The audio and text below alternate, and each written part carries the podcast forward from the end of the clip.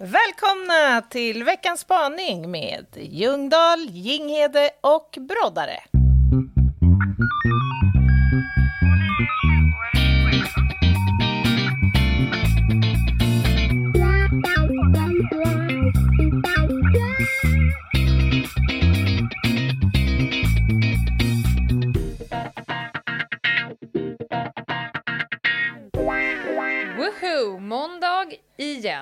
Ja. Vi är, nu pratar jag vi-form för det känns bättre, lite blek om nosen efter den här helgen. Ja, vilken fest! Och vilket party!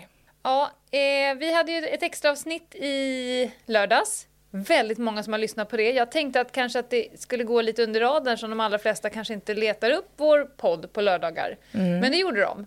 Ja, det gjorde de. Kul! Vi hade ett födelsedags-live-event på Instagram här i lördags. Mm. Där du gjorde, låt, låt oss kalla det en håll käften-entré. tackar, tackar.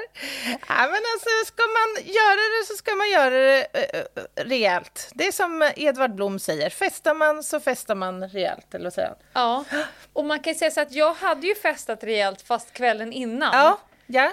Jag, var, jag var lös i konturerna, min hudkostym var tunn, jag hade ont i min hårbotten ja.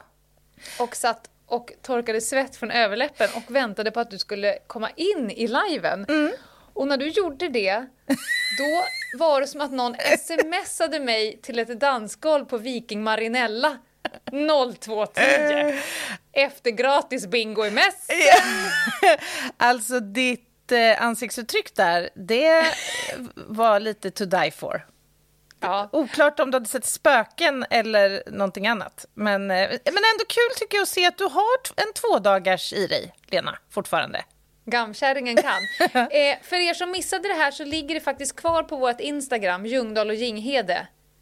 IGTV finns där. Vi kommer snart att ta bort det precis som vi alltid gör. Men vi låter väl det ligga något dygn extra då. Ja, det för att det är värt Det att se din på. entré. Ja, det var roligt. Aha. Ja, nu blickar vi framåt. Nu går vi in i år två.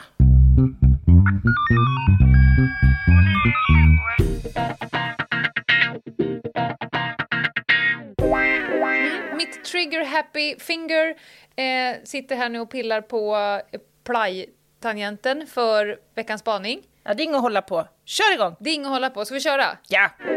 Ja, nu var vi här igen. Ehm, jag är i den gula bussen. Jag är i Pussywagon. Jag har en vedspis som sprakar hemtrevligt här. Och jag befinner mig på en strandkant någonstans mellan Sverige. Ehm, och har det eh, överjävligt bra, onödigt bra nästan. Jag är ute på en Rona roadtrip. Ehm, och det är en eh, moralhöjande resa. Det är syftet Kan man med den. behöva Eh, ibland. En Rona Jaha. roadtrip rekommenderar jag alla att ta. En, man konfigurerar resan så att man inte träffar en enda annan jävel, människa eller mink för den delen. Eh, också. men man gör någonting som höjer ens eh, psykiska försvar och eh, moral i största allmänhet eh, kring världens fasor. Kort sagt, den psykiska ohälsan börjar svaja och då är det dags att anlägga en, en moteld. Och det har jag gjort nu, eh, rent fysiskt faktiskt, i och med vedspisen. Nåväl, om målet är att eh, liksom balansera upp sin, sin galopperande psykiska ohälsa eh, på grund av isolering med mera, då måste man gå till områden som skapar trygghet för en. Och det har jag gjort i den här bussen på så vis att det jag kan förströ mig med här inne är böcker och det är att titta på film. Jag kan läsa böcker, jag kan titta på film och sen kan jag väl laga mat och äta mat. Poppa popcorn. Böckerna jag har här har jag allihopa läst förut. Flera gånger. Filmerna jag har är ju förstås hela utbudet i världen eftersom jag har internet. Men jag vet att jag kommer att titta på något som jag har sett förut. För där i ligger min eh, komfortzon. Jag tittar om på saker och jag läser om eh, böcker. Och jag undrar om jag är ensam om detta. Eh, och om jag inte är det så undrar jag vad är det ni läser om eller tittar om? Och sen så undrar jag faktiskt också lite grann vad gör ni när eh, ni känner att den psykiska ohälsan börjar eh, flagga sin fula nuna upp omkring er och poppa upp som de här små gröna grodorna på grönan som man ska banka till med en hammare. Mm. Vad tittar ni om om ni gör det? Vad läser ni om om ni gör det? Och om ni inte gör det, vad gör ni för att ta hand om er egentligen? Puss puss! Jaha. Gerande psykisk ohälsa. Mm. Alltså, för, för det första så måste jag säga att för egen del så sätter jag inget likhetstecken mellan benägenhet eller vilja att se om filmer eller serier eller för den delen läsa om böcker och eh, min, eh, mitt skick i synapserna, så att säga. Det, det, det, är inte så att det, det, är inte dit jag vänder mig om jag mår dåligt. Men jag kan Nej. se om filmer för det och läsa om böcker också. Men av en annan anledning? Ja, lite så. Men är du en person med psykisk ohälsa, Anna? Nej, jag skulle inte säga att jag är det. Eh, jag, jag, vi pratade om det här om dagen, för jag har en i min omedelbara närhet som har det ganska jobbigt med ångest i perioder. Och då fick jag frågan, så, men vad gör du när du får ångest? Och jag kunde inte ens svara på om jag hade haft ångest. Eller om det jag har upplevt, som ibland jag kan ha känt har varit liksom belastande för mig, är ångest. Mm -hmm. mm. Eh, det, det, är väl klart jag har haft ångest, men jag, jag liksom, det är inget som jag så här, upplever är ett problem för mig. Nej. Så. Du då? Nej. ja, vi, vi, vi behöver inte diskutera om du har haft ångest. Nej, kanske. det behöver vi inte diskutera. Det är odiskuterbart, så att säga. Men vad, vad du gör? Ja, men eh, det här med att se om... Eh, jag förstår det här med att se om och, och, och titta om, men det gör jag inte när det kommer till böcker och eh, filmer som hon nämner. Jag känner med att det är verkligen så. Hon läser böcker hon redan läst, hon tittar på förutsägbara feelgood-filmer. Eh, det enda som jag någonsin liksom ser om det är typ Karl-Bertil på julafton av ren Nostalgi. tradition. Men det har ingenting med min, min hälsa att göra. Nej, för, för att så är det väl ändå. Det, så måste det väl ändå vara att det, alltså, skälet till att så många bänkar sig framför tvn på julafton klockan tre, det kan väl inte handla om att alla människor lider av psykisk ohälsa, vi ändå, eller för sig, julen är ju starkt förknippat med det. Men det Nej, måste men... väl ändå vara av nostalgiskäl, tänker jag. Ja, nostalgi och så tror jag att det är lite trygghetsskapande. Jag, tror, jag, jag placerar det i samma fack som att barn tycker väldigt mycket om att man berättar om saker ja. som de har gjort när de var ännu mindre. Min son älskar att titta på bilder på sig själv, höra mig prata om eh, när han föddes, eh, när han fick sin första cykel, sitta och titta på små filmer. Jag tror att det är trygghetsskapande ja, så och ger det en djupare en djupare bild av sig själv helt enkelt. Apropå det med, med barn och deras då behov av att se om eller lyssna om saker så finns det ju också faser i, i barns eh, uppväxtår där vissa saker ska ses om cirka 72 gånger i timmen. Det kan ju snarare driva en till psykisk ohälsa. ja. R Rory racerbil gång 512 en regnig måndag. Ja, du oh, fattar ju. Fan. Ja, nej, det är ingen höjdare. Det, I så fall har, tror jag att jag har sett Jönssonligan 4000 gånger.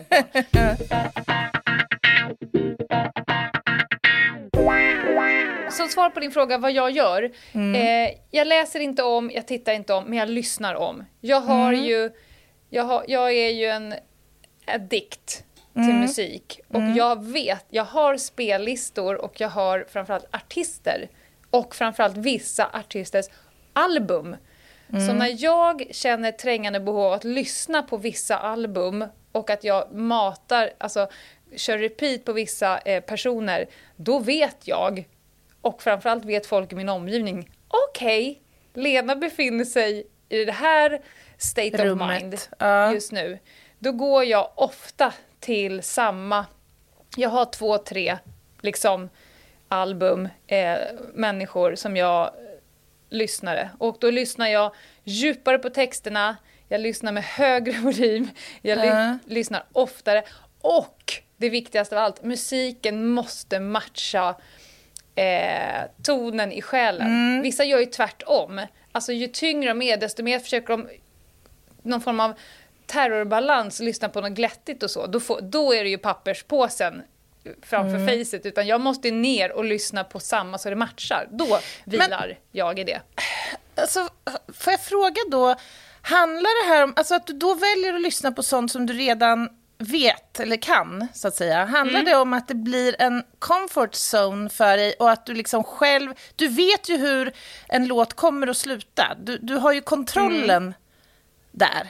Eller är det för att ge dig trösten eller lugnet av tonerna? Eller liksom vad, förstår Ja. du vad jag menar? Vad, vad handlar jag det om? Är ju, ja, jag är ju en, både en sån som är knarkar själva texten. Alltså för mig blir det ju poesi. Alltså det, jag är ju väldigt, väldigt eh, sugen, höll jag på att säga. Jag, jag tycker väldigt mycket Ja. om texten i Ja. låtarna. Okej. Men också melodin och framförallt instrumenten. Ju tyngre det är, desto mer fiol och cello blir det och piano. Och desto mindre skrammel. Det ska, Mm. Ner, alltså det ska kännas som att man behöver liksom skära sig med kniv och gaffel genom låten. Ja, jag fattar. Jag, jag, Vilket jag andra kan tycka. Så, och när jag då drar igång de här låtarna, då, då vet jag att jaha, då befinner jag mig där och de som jag har runt omkring mig tänker all right, nu lyssnar hon på det här igen. Det är liksom en av mina go-to och de andra sakerna som man frågar vad gör ni mer? Ju större abstinens jag får av att åka till New York generellt. Och att åka till New York och dansa en viss typ av, eh, ta en viss typ av klasser specifikt. Det är också ett uttryck för någonting. Det kan vara uttryck för gott och ont, men det är i alla fall dansen, New Yorken och ju mer jag får så här panik att jag måste planera in kultur. Jag måste gå på opera, teater. Så nu tycker jag ju att corona kan ju fan släppa taget nu för jag har sånt jävla brinnande behov av att gå på och, och knarka kultur. Det är bra för, för min själ. Det är det jag gör. Ja, jag fattar.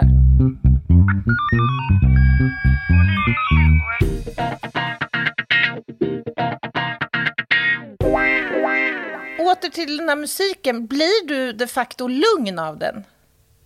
Har den Mm. en lugnande effekt på dig?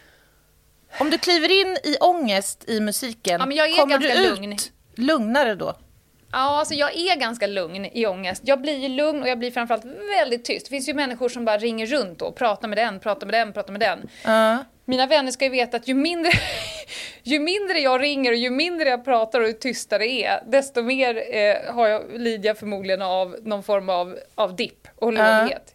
Jag pratar inte med någon. Det är ingen som vet mitt innersta. Framförallt inte när det skaver. Nej. Men och du, då går jag till musiken. Ja, jag fattar. Men du, om man ska försöka se på någon form av psykologisk analys av mitt beteende då i det här. Alltså, jag, jag ser ju om, vissa filmer ser jag ju om. Jag har ju till exempel sett Dirty Dancing kanske 20 gånger. Hur skulle man kunna Men förklara Anna- det psykologiskt? U- utan Det att kan- på något sätt... Jag är i och för sig Alltså, fortfarande kär i Patrick Swayze. Men Vad sa du? jag är för sig fortfarande kär i Patrick Swayze, så att, li, lika Ja. intensivt som när jag var 12. Så att eh, där kan det finnas, det kan finnas en, ett litet incitament där. Men för mig är ju du...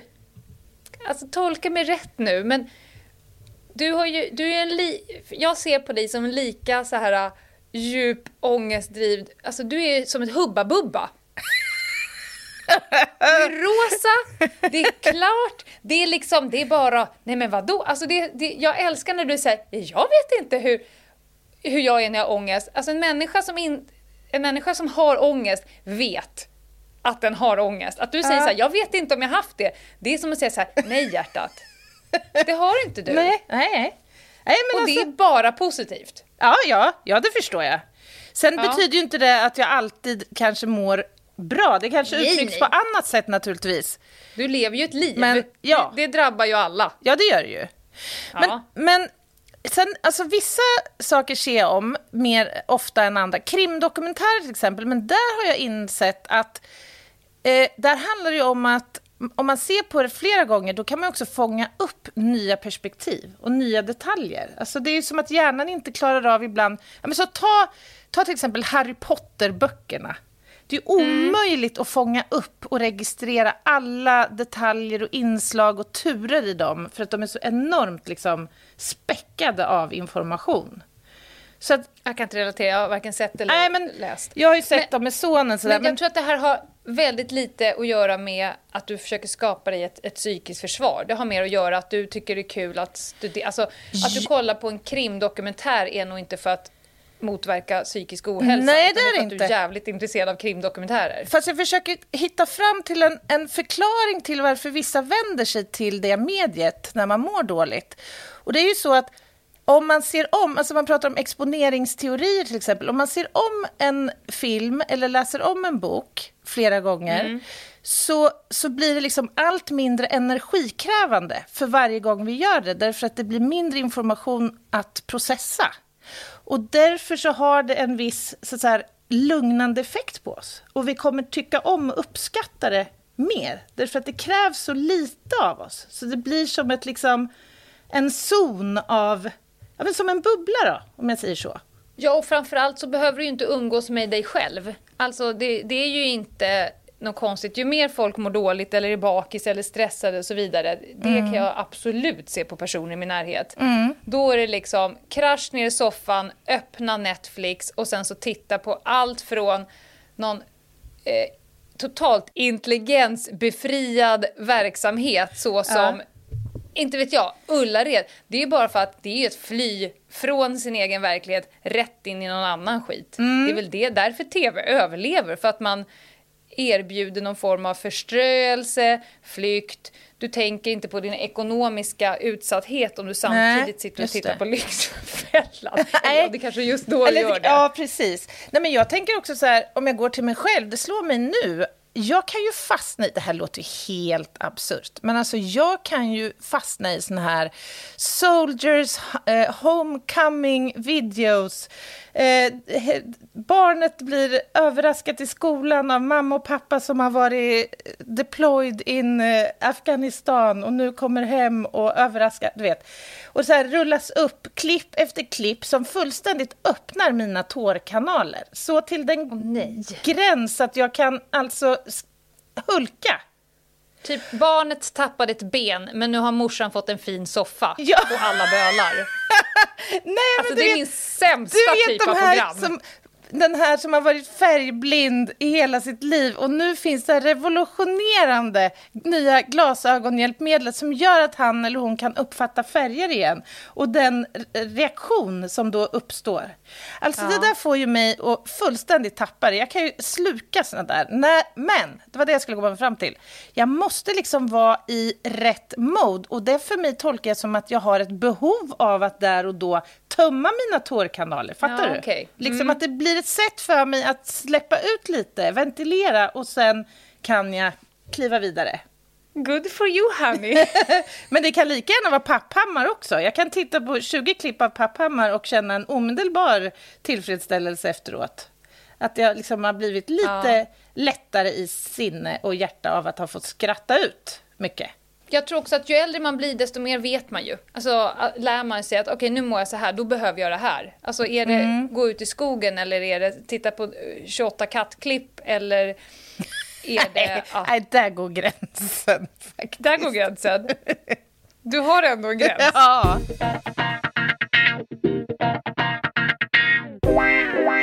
Precis som Meta säger, hon behöver fly hon vet att hon behöver sätta sig i sin gula pussywagon, hon vet att hon behöver åka iväg. Mm. Hon har bara böcker. Och det, i det här fallet så är jag tämligen säker på, eftersom jag känner henne, hon, vill inte ha no hon befinner sig i en psykisk eh, status. Hon vill inte ha några överraskningar. Nej. Hon får inte ta en bok där det på sida fyra ja, händer någonting ja. som triggar någonting. Utan hon behöver veta. Det måste vara helt förutsägbart. Ja, jag fattar. Att den här boken har den här dynamiken. Det kommer inte vara några överraskningar. Det kommer inte handla om eh, sjukdom eller relaterat till någon Nej. förälder eller någonting annat. Det är liksom 28 dresses.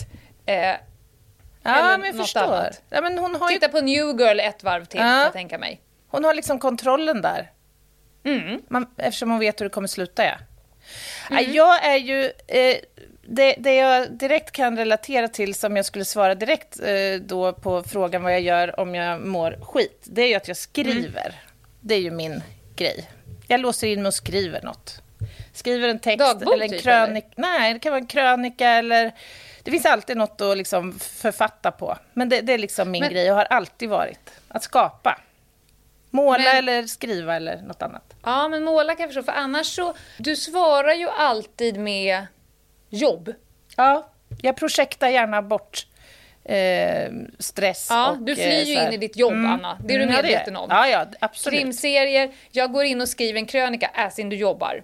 Jaha. Jag går in och, och tittar på en dokumentärfilm, jag flyr in i jobbet. Mm. Ja, Jag känner sant. Mm. lite ångest, jag läser en studie, du flyr in i jobbet. När du ska ha egen tid, när du ska ha ditt absolut lyxigaste egen tid, det är att eh, sitta någonstans och få jobba. Ja, Du, usch. du ser det här hos dig själv? Faktiskt, fy fan. Det är obehagligt när du lägger fram det sådär bara. Ja, jag kan vara lite obehaglig. Men Ja. ditt svar på all form som skaver, det är ju att jobba mer. Att säga ja, Ja. Mm. till fler yrkesmässiga projekt så du slipper umgås med dig själv. Mm, lite så är det nog faktiskt, tyvärr. Ja. Ah, vad djupt det blev den här veckan, men intressant ändå. eh, Spaning. Jag har liksom aldrig tänkt de här banorna förut. Jag, jag älskar Metas eh, take på att se om och läsa om saker. Jag älskar också att Meta tvingar oss att referera. För att ibland när man får en spaning tänker man det här blir ju lätt. Och sen alltid när vi börjar prata om det så blir det alltid och det vet ju hon såklart, det lilla äckliga geniet. Att hon vet ju att vi kommer ju dra oss ner, lager för lager. Vi kommer liksom regradera till vår egen treårsålder och Ja, börja veva därifrån. Jag sitter där naken i en småbyxa nu. Ungefär så känns det. Hon. Nej men bra, då har vi gjort det här också. Jag ska genast gå och sätta på ett album. Ja. Ah, men du, På eh, torsdag Anna! ja, vad bjussar vi på? Ska vi köra ett eh, spännande case då, eller? Ja, på torsdag blir det ett eh, beskrivning av ett, ett fall. Som vi själva har eh, varit delaktiga i. Ja, det blir maffigt. Det blir maffigt. Och tills dess, Ljungdahl och Ginghede på Instagram. Eh, om ni vill stötta oss så är det Acast Support-funktionen ni kan använda för det. Eh, och det går bra att mejla oss också. Ljungdahl. Såg du att det var fler som hade gett oss födelsedagspresent via supportfunktionen? Nej. Jag skrev det på Instagram. sant? Jo då, det har kommit födelsedagspresent Nej, till oss via den där appen. Fantastiskt. Tusen Ja. tack, får vi säga då. Mm. Eh, jo, mejla på Ljungdahl och Ginghede at gmail.com. Vi hörs på torsdag. Bye bye!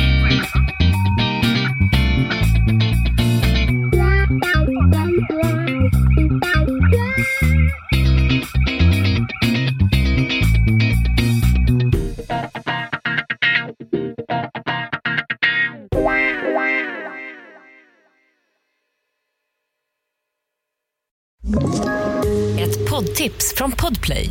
I fallen jag aldrig glömmer djupdyker Hasse Aro i arbetet bakom några av Sveriges mest uppseendeväckande brottsutredningar. Går vi in med hemlig telefonavlyssning och, och då upplever vi att vi får en total förändring av hans beteende. Vad är det som händer nu? Vem är det som läcker? Och så säger han att jag är kriminell, jag har varit kriminell i hela mitt liv men att mörda ett barn, där går min gräns. Nya säsongen av Fallen jag aldrig glömmer på Podplay.